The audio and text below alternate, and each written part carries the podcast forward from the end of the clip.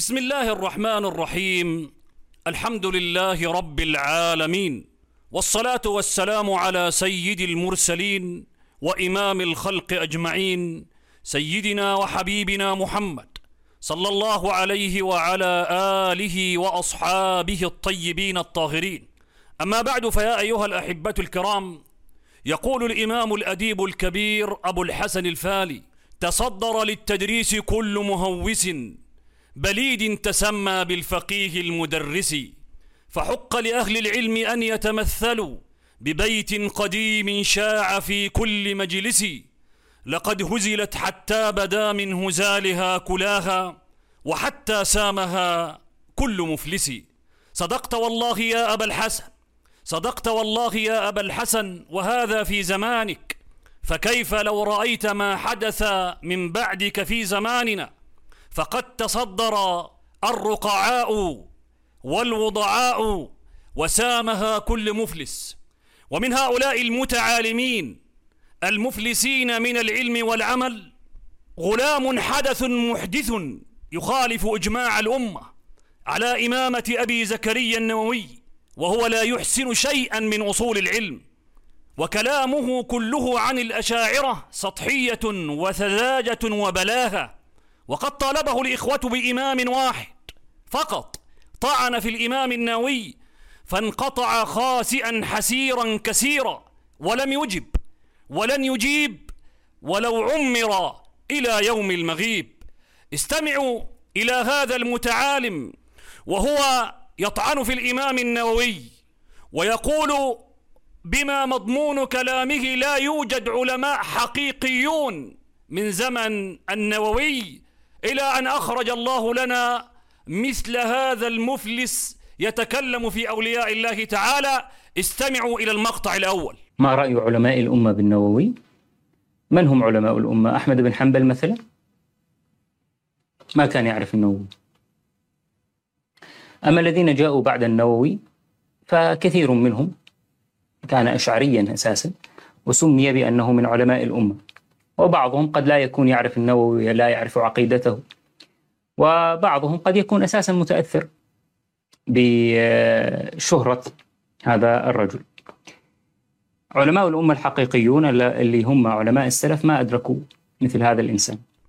بعد أن استمعتم إلى هذا المقطع هذا المفلس يزيد اغراقا في إفلاسه فيطعن في الكتاب الذي تلقاه أهل الإسلام بالقبول منذ زمن أبي زكريا النووي إلى يوم الناس هذا حتى تمنى الإمام الشيخ ابن عثيمين أن يكون له كتاب ينتفع به المسلمون كانتفاعهم برياض الصالحين.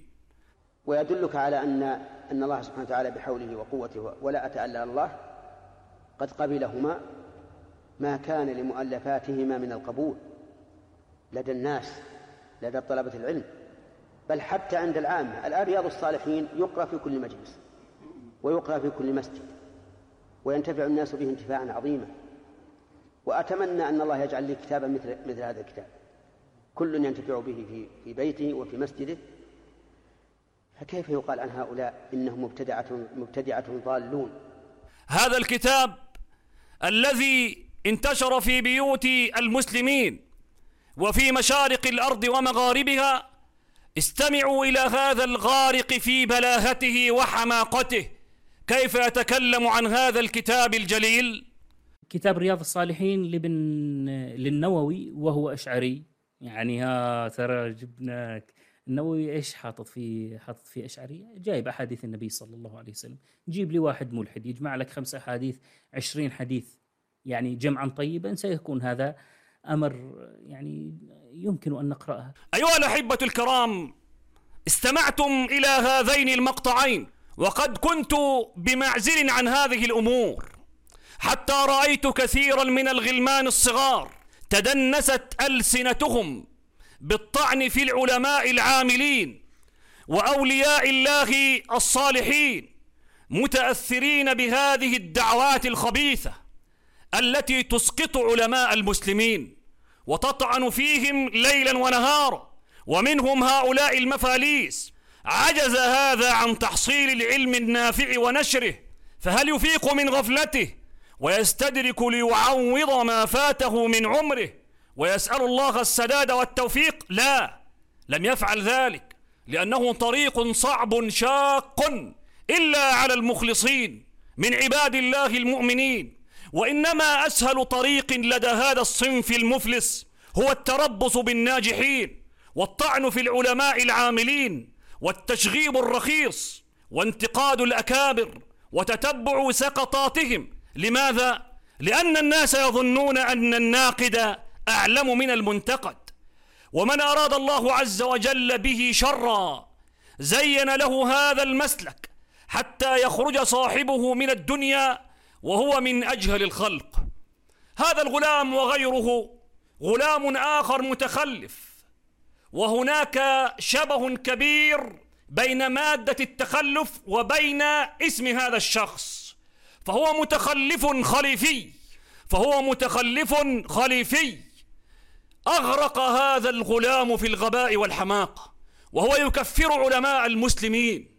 ويلتف حوله وحول الشخص الآخر. مجموعة من الصغار يكفرون العلماء الكبار ويطعنون في أعراضهم ويسبونهم بكلام تشيب منه الرؤوس.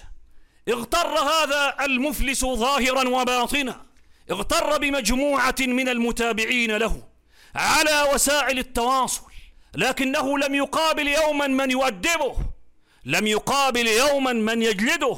أظنك يا غلام قد غرك رهط قد تجمعوا حولك وألقوا السمع إلى قولك يصدقونك في كل هذر ويصوبونك في كل ما تأتي وتذر ولم تمر بقريع الأبطال لها ميم ولم تدفع إلى مماسك تلبنتي يعركك عرك الأديم فظننت بنفسك الظنون ورسخ في دماغك هذا الفن من الجنون ولم ترزق أديبا ولا ناصحا لبيبا فساق الله إليك تلبنتيا مؤدبا جالدا مريدا وجه ربه وله حامدا طارقا بابه وله قاصدا كاشفا لزيغ المتعالمين فاضحا لشبهات الطعانين مدافعا عن أوليائه الصالحين وخاصته المقربين.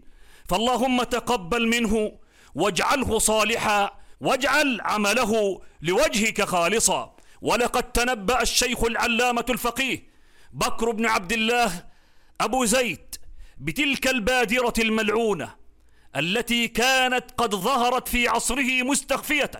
فقال رحمه الله تعالى في كتابه الجليل النفيس تصنيف الناس بين الظن واليقين. وبهذا تعلم أن تلك البادرة الملعونة من تكفير الأئمة. النووي وابن دقيق العيد وابن حجر العسقلاني رحمهم الله تعالى أو الحط من أقدارهم أو أنهم مبتدعة ضلال كل هذا من عمل الشيطان وباب ضلالة وإضلال وفساد وإفساد وإذا جرح شهود الشرع جرح المشهود به لكن الأغرار لا يفقهون ولا يتثبتون. فانظر يا أخي إلى هذه الكلمة الدقيقة من الإمام المحقق المدقق الشيخ بكر بن عبد الله أبو زيد يقول وعملهم هذا فساد وإفساد وهم يظنونه صلاحا وإصلاحا. قال وإذا جرح شهود الشرع جرح المشهود به. إذا طعن في العلماء إذا طعن في حملة الشريعة أساء الناس الظن بحملة الشريعة. أساء الناس الظن بالمحمول أيضا بالشريعة. ووقع الناس في الشبهات في العقائد وفي أحكام الإسلام. فسحقا لكم أيها الأغرار. سحقا لكم لا تفقهون ولا تتثبتون. وفتحتم الباب للرافضة لكي يسبوا الصحابة ولكي يكفروا العلماء ليلا ونهارا. وفتحتم الباب للعلمانيين والملاحدة لكي يطعنوا في علماء المسلمين. إذا كنتم أنتم تنسبون أنفسكم لمذهب السلف وتطعنون في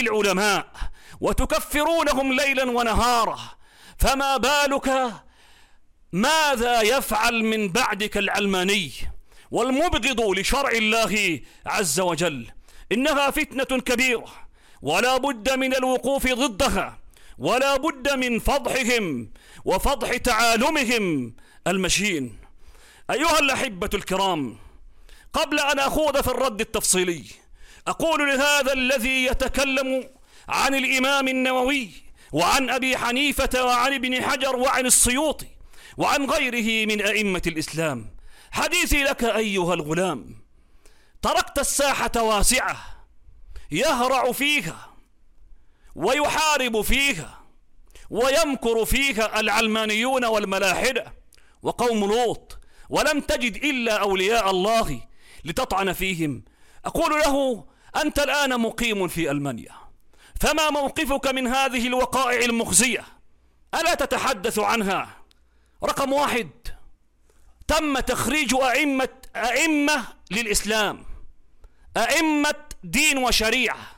فين؟ في ألمانيا. يا مولانا في كلية إسلامية والذي يشرف على هذه الكلية وزير الداخلية الألماني وإنما غرضهم من هذا ليس لنشر الدين ونشر, ونشر الشريعة وإنما لتصدير قوم لكي يشوهوا الدين والشريعة فهل تكلمت عن هذا يا غلام؟ كلا الآن نذهب إخواني أخواتي إلى خبر أيضا مهم يقع لأول مرة في ألمانيا وهو ألمانيا تصنع أئمة للمساجد أو تكون أئمة للمساجد. وقررت ألمانيا أن تكون أئمة في ألمانيا يتحدثون اللغة الألمانية وينشرون إسلاما يتماشى مع ثقافة وقانون دولة ألمانيا. لأول مرة في تاريخ ألمانيا تخرج 26 إماما وإمامة إن صح التعبير لأنهم يتكونون من نساء ورجال. من الكلية الإسلامية في مدينة أوزنابروك في غرب ألمانيا تخرج هؤلاء للعمل كأئمة في المساجد في ألمانيا. وقد قال رئيس ألمانيا السابق السيد كريستيان فولف هذا كان رئيس ألمانيا السابق الذي الآن هو يعمل كرئيس في مجلس أمناء هذه الكلية الإسلامية. قال إن هذا اليوم هو يوم تاريخي في ألمانيا ولأول مرة يتم تدريب أئمة في ألمانيا باللغة الألمانية. هذا لم يحدث من قبل. هذه الكلية الإسلامية الموجودة في مدينة أوزنابروك تأسست في سنة 2019 ويتم تمويل هذا التكوين من طرف وزارة الداخلية وليس وزارة التعليم. من طرف وزارة الداخلية هي التي تمول تكوين هؤلاء الأئمة. رقم اثنين تدرس المادة الإسلامية في ألمانيا للطلاب المسلمين. لكن هل تدرس لكي يعلموهم فقه الطهارة والصلاة وعقائد الإسلام؟ كلا. وإنما يدرسون لهم المادة بالطريقة النقدية لكي يربوا عقولهم على انتقاد الإسلام عقيدة وشريعة ولكي ينشأ جيل فيما بعد شاك في كل شرائع الإسلام وفي كل عقائد الإسلام وينتقد القطعيات والضروريات من الإسلام. فهل تكلمت عن هذا يا غلام؟ كلا. رقم أربعة. تم إنشاء مسجد لقوم لوط. قبحهم الله في الدنيا والآخرة. مسجد لقوم لوط في برلين عاصمة ألمانيا. فهل سمعنا لك صوتا؟ هل انتقدت ذلك؟ كلا. رقم أربعة. المواد العلمية الجنسية. تدرس للأطفال في المراحل الابتدائية لكي تعلمهم الفحش والدعارة والزنا في ألمانيا. فهل تكلمت عن ذلك؟ كلا. أنا أقول لك لماذا تحارب في منطقة أولياء الله الصالحين والعلماء العاملين. اسمعها مني واسمعها أيها الصغير الذي تتبع هذا الغلام الغر. إنما هو يتحدث في المنطقة الآمنة يتحدث في المساحة الآمنة. إنه إذا طعن في النووي لن تفعل له ألمانيا شيء. إنه إذا طعن في ابن حجر أو طعن في السيوط أو تكلم في الاستواء أو تكلم في الصفات أو تكلم في غير ذلك لن يتعرض له أحد بسوء. بل ربما يشجعونه ويدعمونه. فهذه منطقة آمنة يا مولانا تحارب فيها يا ولد. أما ما ذكرناه لك من انتقاد الأوضاع التي يتعرض لها المسلمون المغتربون الغرباء. في كل أوروبا لا تستطيع أن تنطق بحرف. لماذا؟ لأن حروفك الدنسة هذه فقط لا تخرج إلا لتطعن في علماء المسلمين. إلا لتطعن في علماء المسلمين. أيها الأحبة الكرام بالنسبة للمقطع الأول قال فيه هذا الغلام الغر أحمد بن حنبل لم يعرف النووي. انظر إلى الإغراق في البلاغة والسذاجة والحماقة والغباء. يقول أحمد بن حنبل لم يعرف النووي. هل تريد منا أن نذهب إلى قبر الإمام أحمد إلى قبر أبي زكريا يحيى بن معين أو أبي حاتم الرازي أو أبي زرعة الرازي. هل تريد منا أن ندعو الله أن يبعثهم من قبورهم حتى يحكموا على الإمام النووي؟ انظر إلى غباء هذا الغلام. إنما كلام أحمد بن حنبل وأبي حاتم وأبي زرعة الرازي وغيرهم من أئمة النقد الجهابذة الكبار يؤخذ على الرواة الذين كانوا قبلهم وما أدركوه في عصرهم. فإذا جاء من بعدهم في عصر من العصور كالإمام النووي فلمن يلجأ في مثل في مثل هذه المسألة؟ يلجأ أيضا لأئمة النقد وأئمة الرجال وأئمة الإسلام الذين حكموا على النووي والذين كانوا في عصر النووي والذين كانوا بعد الإمام النووي. وسوف يأتي ذكرهم. ولما جاء ذكر من بعده من العلماء من بعد النووي من العلماء. قال هذا الغلام الغر. بعضهم لا يعرف عقيدة النووي. انظر إلى تجهيل مئات من العلماء. تجهيل مئات من العلماء. يرميهم هذا المتعالم الدجال بالجهل وبأنهم لم يعرفوا عقيدة النووي وعرفها. يعني كل دول ما عرفوش عقيدة النووي والحج ده هو اللي عرف عقيدة النووي. انظر إلى الغباء يا شيخ. انظر إلى الغباء يا شيخ. وبعضهم انخدع بشهرته. وبعضهم انخدع بشهرته. وبعدين يقول إيه في المقطع؟ علماء الأمة الحقيقيون ما أدركوا مثل هذا الإنسان. علماء الأمة الحقيقيون يعني زي أحمد بن حنبل. يعني من بعد أحمد بن حنبل ليسوا علماء حقيقيين. إنما العلماء الحقيقيين مين؟ ضلال الدين هذا. ومن على شاكلته من الأغمار الصغار. ويقول علماء الأمة الحقيقيون ما أدركوا مثل هذا الإنسان؟ إنسان مين يا ابني؟ نقول له العلماء الذين كانوا في عصر الإمام النووي ومن أتى بعده؟ كلامك لا يخلو من ثلاثة إلزامات. حلو الكلام؟ رقم واحد أن هؤلاء العلماء جميعا لم يعلموا حال النووي. فأثنوا عليه وهم جهلاء بحاله. وهذا يلزم منه تجهيل لجميع علماء الأمة من زمن النووي إلى يوم الناس هذا وأن العالم الحقيقي والحبر الفخامة هو ضلال الدين هذا. حلو الكلام. أو رقم اثنين أن العلماء جميعا علموا حاله وعلموا فساد عقيدته كما تزعم ثم كتموا ذلك. وهذا فيه نسبة الكذب للعلماء جميعا ونسبة كتمان العلم للعلماء جميعا يعني تضليل العلماء جميعا. رقم ثلاثة وهي التي نقول بها أن العلماء علموا حاله مجملا وتفصيلا فأثنوا عليه ثناء عاطرا ولقبوه بالإمام الكبير وبالفقيه النحرير. وهذا هو الموقف الذي وقفه علماء المسلمين تجاه ولي الله رب العالمين أبي زكريا النووي عليه رحمة الرحمن الرحيم. فأنت بهذا تريد أن تصل إلى الطعن في الإمام النووي؟ جعلت الطعن في الإمام النووي يا رجل مسألة أصولية.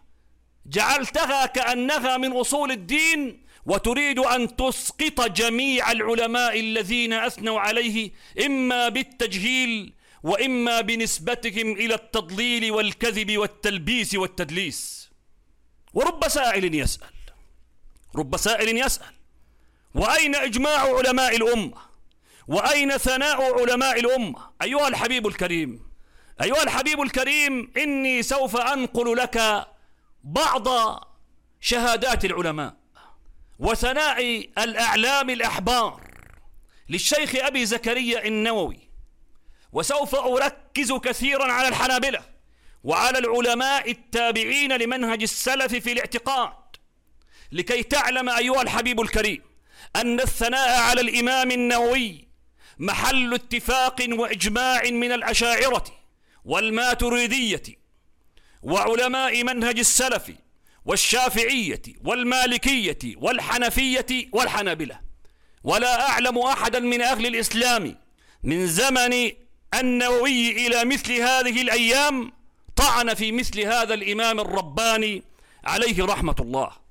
نقول وبالله التوفيق. الشهادة الأولى عندنا الإمام الحافظ ابن فرح تلميذ الإمام النووي وشيخ الإمام الذهبي.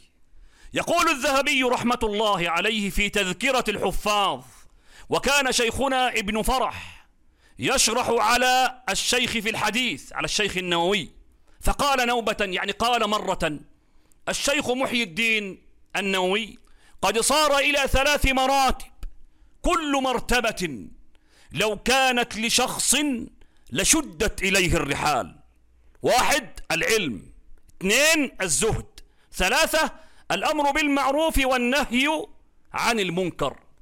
وأنت أيها الغلام المتعالم هذه الثلاث ليس منها ذرة فيك.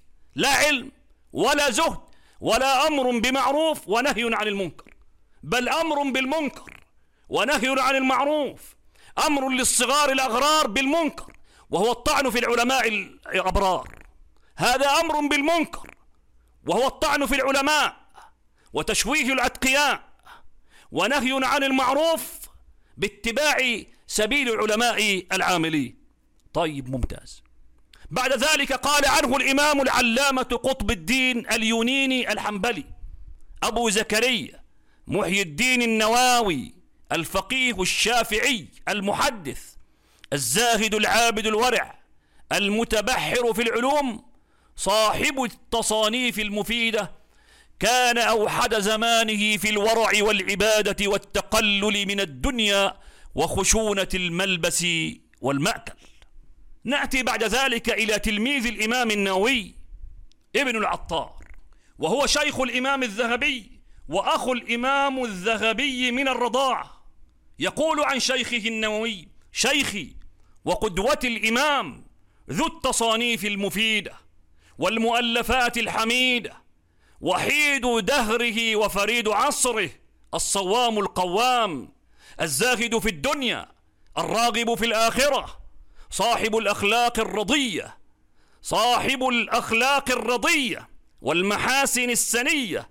اسمع العالم الرباني المتفق على علمه وإمامته وجلالته. وانظر إلى شهادة الحافظ المحدث المؤرخ علم الدين البرزالي. قال الشيخ الإمام محي الدين النووي وقال عنه شيخ الإسلام ابن تيمية في مجموع الفتاوى الإمام أبا زكريا النواوي وقال عنه إنه من علماء المسلمين وقال عنه في كتاب الإيمان الأوسط صفحة 581 طبع الدار ابن الجوزي الإمام أبو زكريا يحيى النووي. نأتي إلى الخبير بعلم الرجال إلى الذهبي رحمة الله عليه. وكان من أفراد العالم في زمانه في العلم بالحديث والعلم بالجرح والتعديل. يقول رحمه الله تعالى النواوي الإمام الحافظ الأوحد القدوة شيخ الإسلام علم الأولياء. وأثنى عليه في كل كتبه التي كتبها في التراجم. نأتي بعد ذلك إلى شهادة الإمام ابن الملقن رحمه الله تعالى يقول في بداية كتابه عمدة المحتاج في شرح المنهاج وهو من الشروح الكبيرة الموسعة قال الشيخ الإمام العالم العامل الزاهد الرباني أبو زكريا النواوي. وقال عنه الإمام العلامة المحدث زين الدين العراقي الشيخ الإمام العلامة شيخ الإسلام محيي الدين أبو زكريا النووي. وقال عنه أمير المؤمنين في الحديث ابن حجر العسقلاني يقول شيخ الإسلام النووي. وقال عنه إمام الناس الشيخ محيي الدين النووي.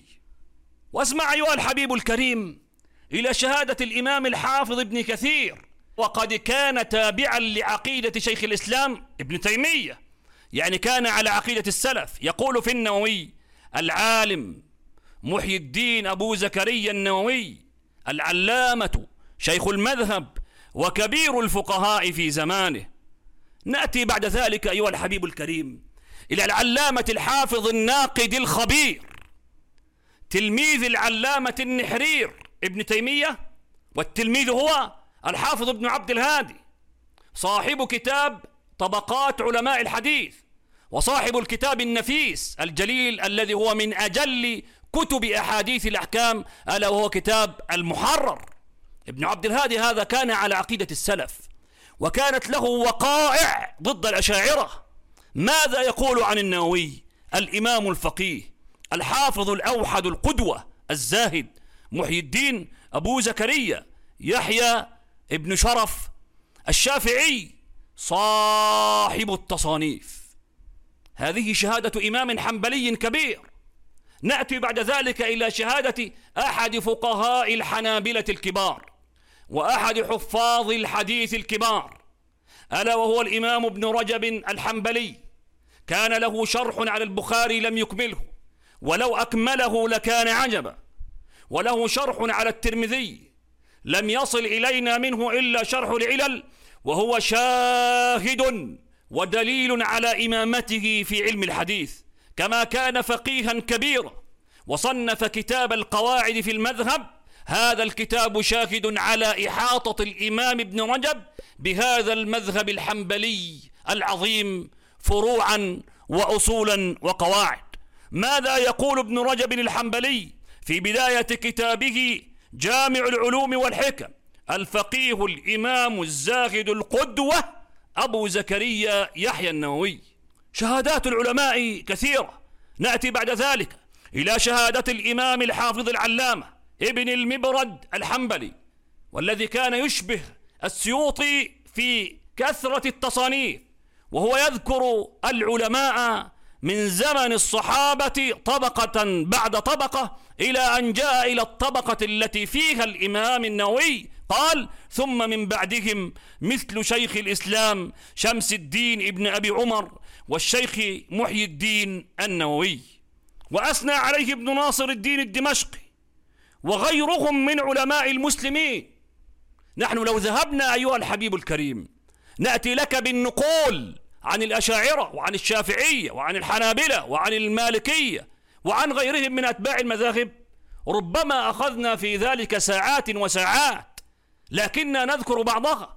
من يكتب فقط اسم النووي كلمة النووي في برنامج بحث في كتب الطبقات والتواريخ والتراجم يجد مئات من الشهادات والثناء على سيد السادات في زمانه محي الدين النووي.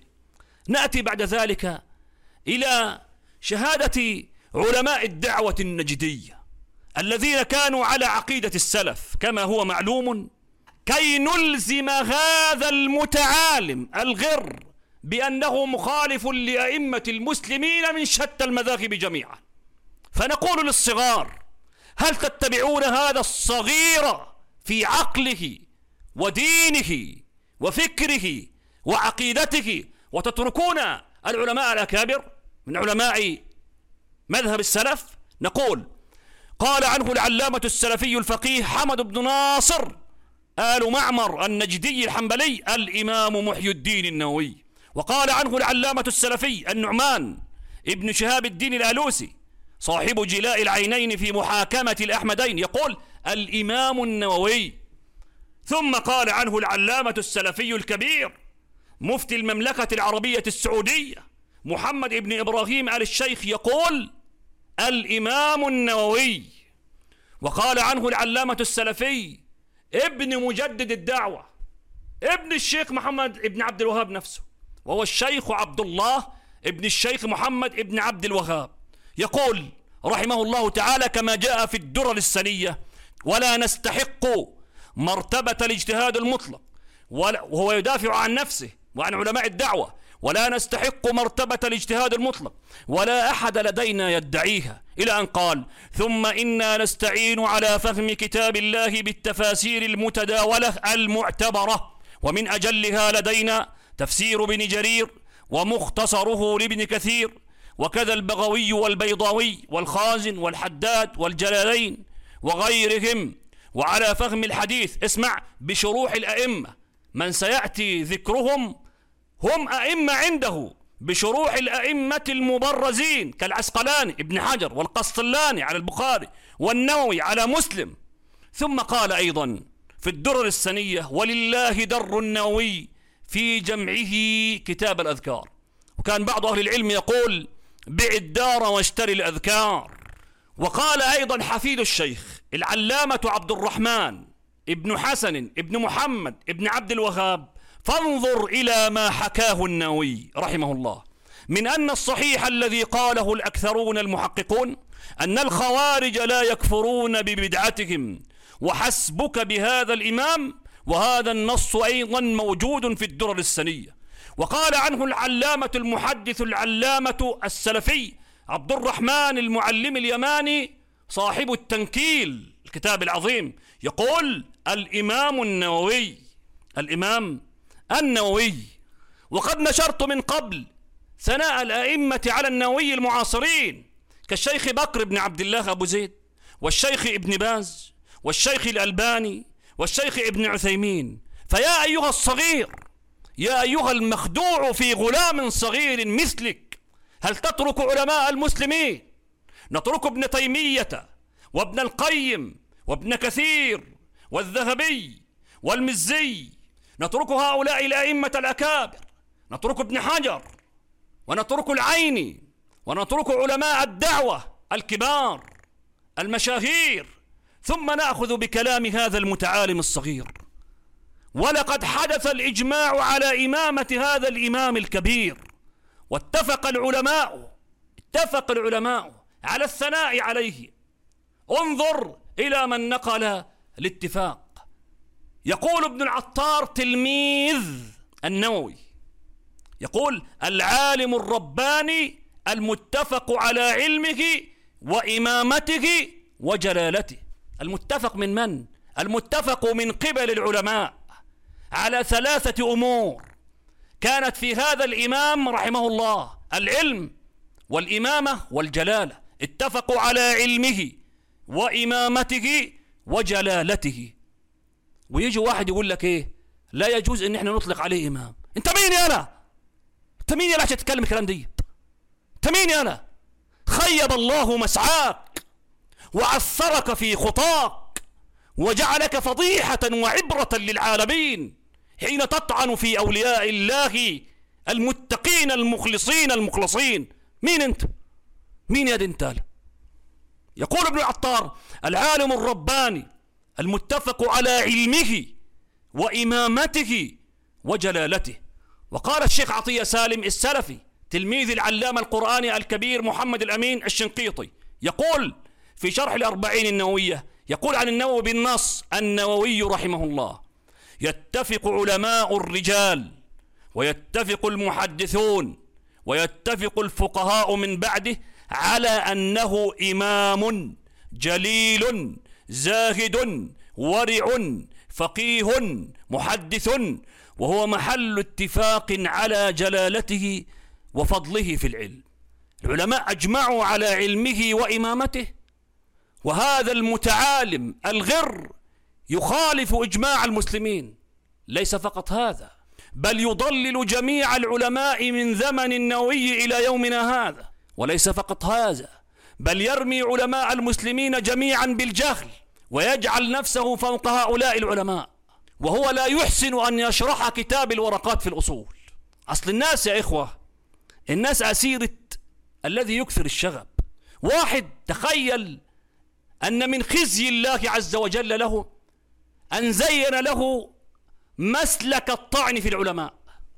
أصبح يطعن في العلماء على قناته. ليه؟ ليه؟ علشان يزود المتابعين ويزود المشاهدات. أليس هذا من الخسران المبين؟ يعني أنت عاوز تعمل نفسك نجم على وسائل التواصل على حساب أعراض العلماء الربانيين. تريد أن تجرح حملة الشريعة لكي يتجرأ بعد ذلك الناس على الطعن في الشريعة نفسها؟ أي خزي أعظم من هذا الخزي؟ وأي خسران أعظم من هذا الخسران؟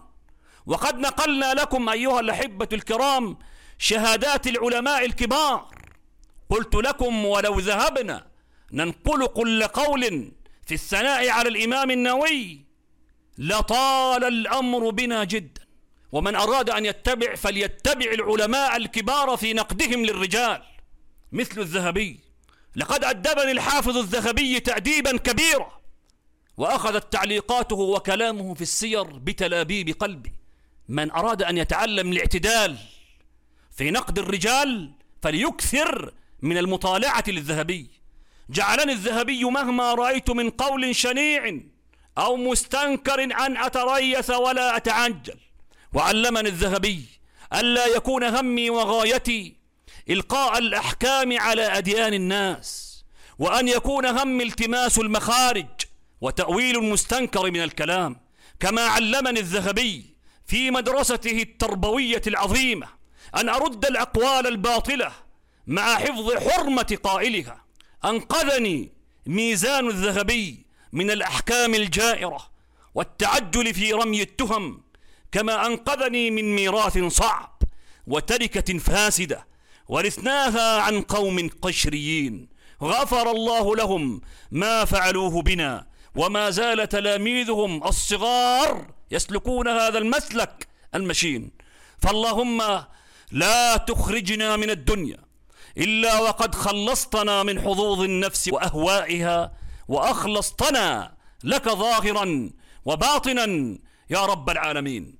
ولله در الإمام القاضي المالكي عبد الوهاب بن نصر المالكي حين قال متى يصل العطاش إلى ارتواء إذا استقت البحار من الركايا ومن يثني الأصاغر عن مراد إذا جلس الأكابر في الزوايا وإن ترفع الوضعاء يوما على الرفعاء من إحدى الرزايا.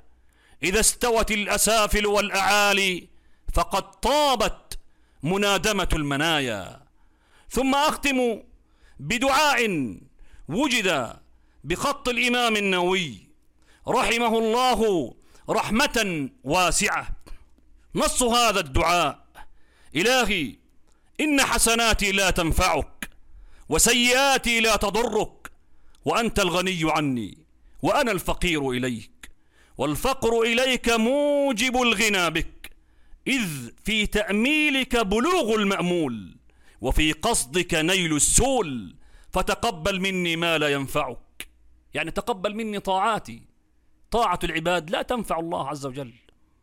واغفر لي ما لا يضرك وارحم فاقتي وفقري وضعفي وضري فإني أستحيي أن أسألك الجنة بحسناتي وأنا لا أرضاها.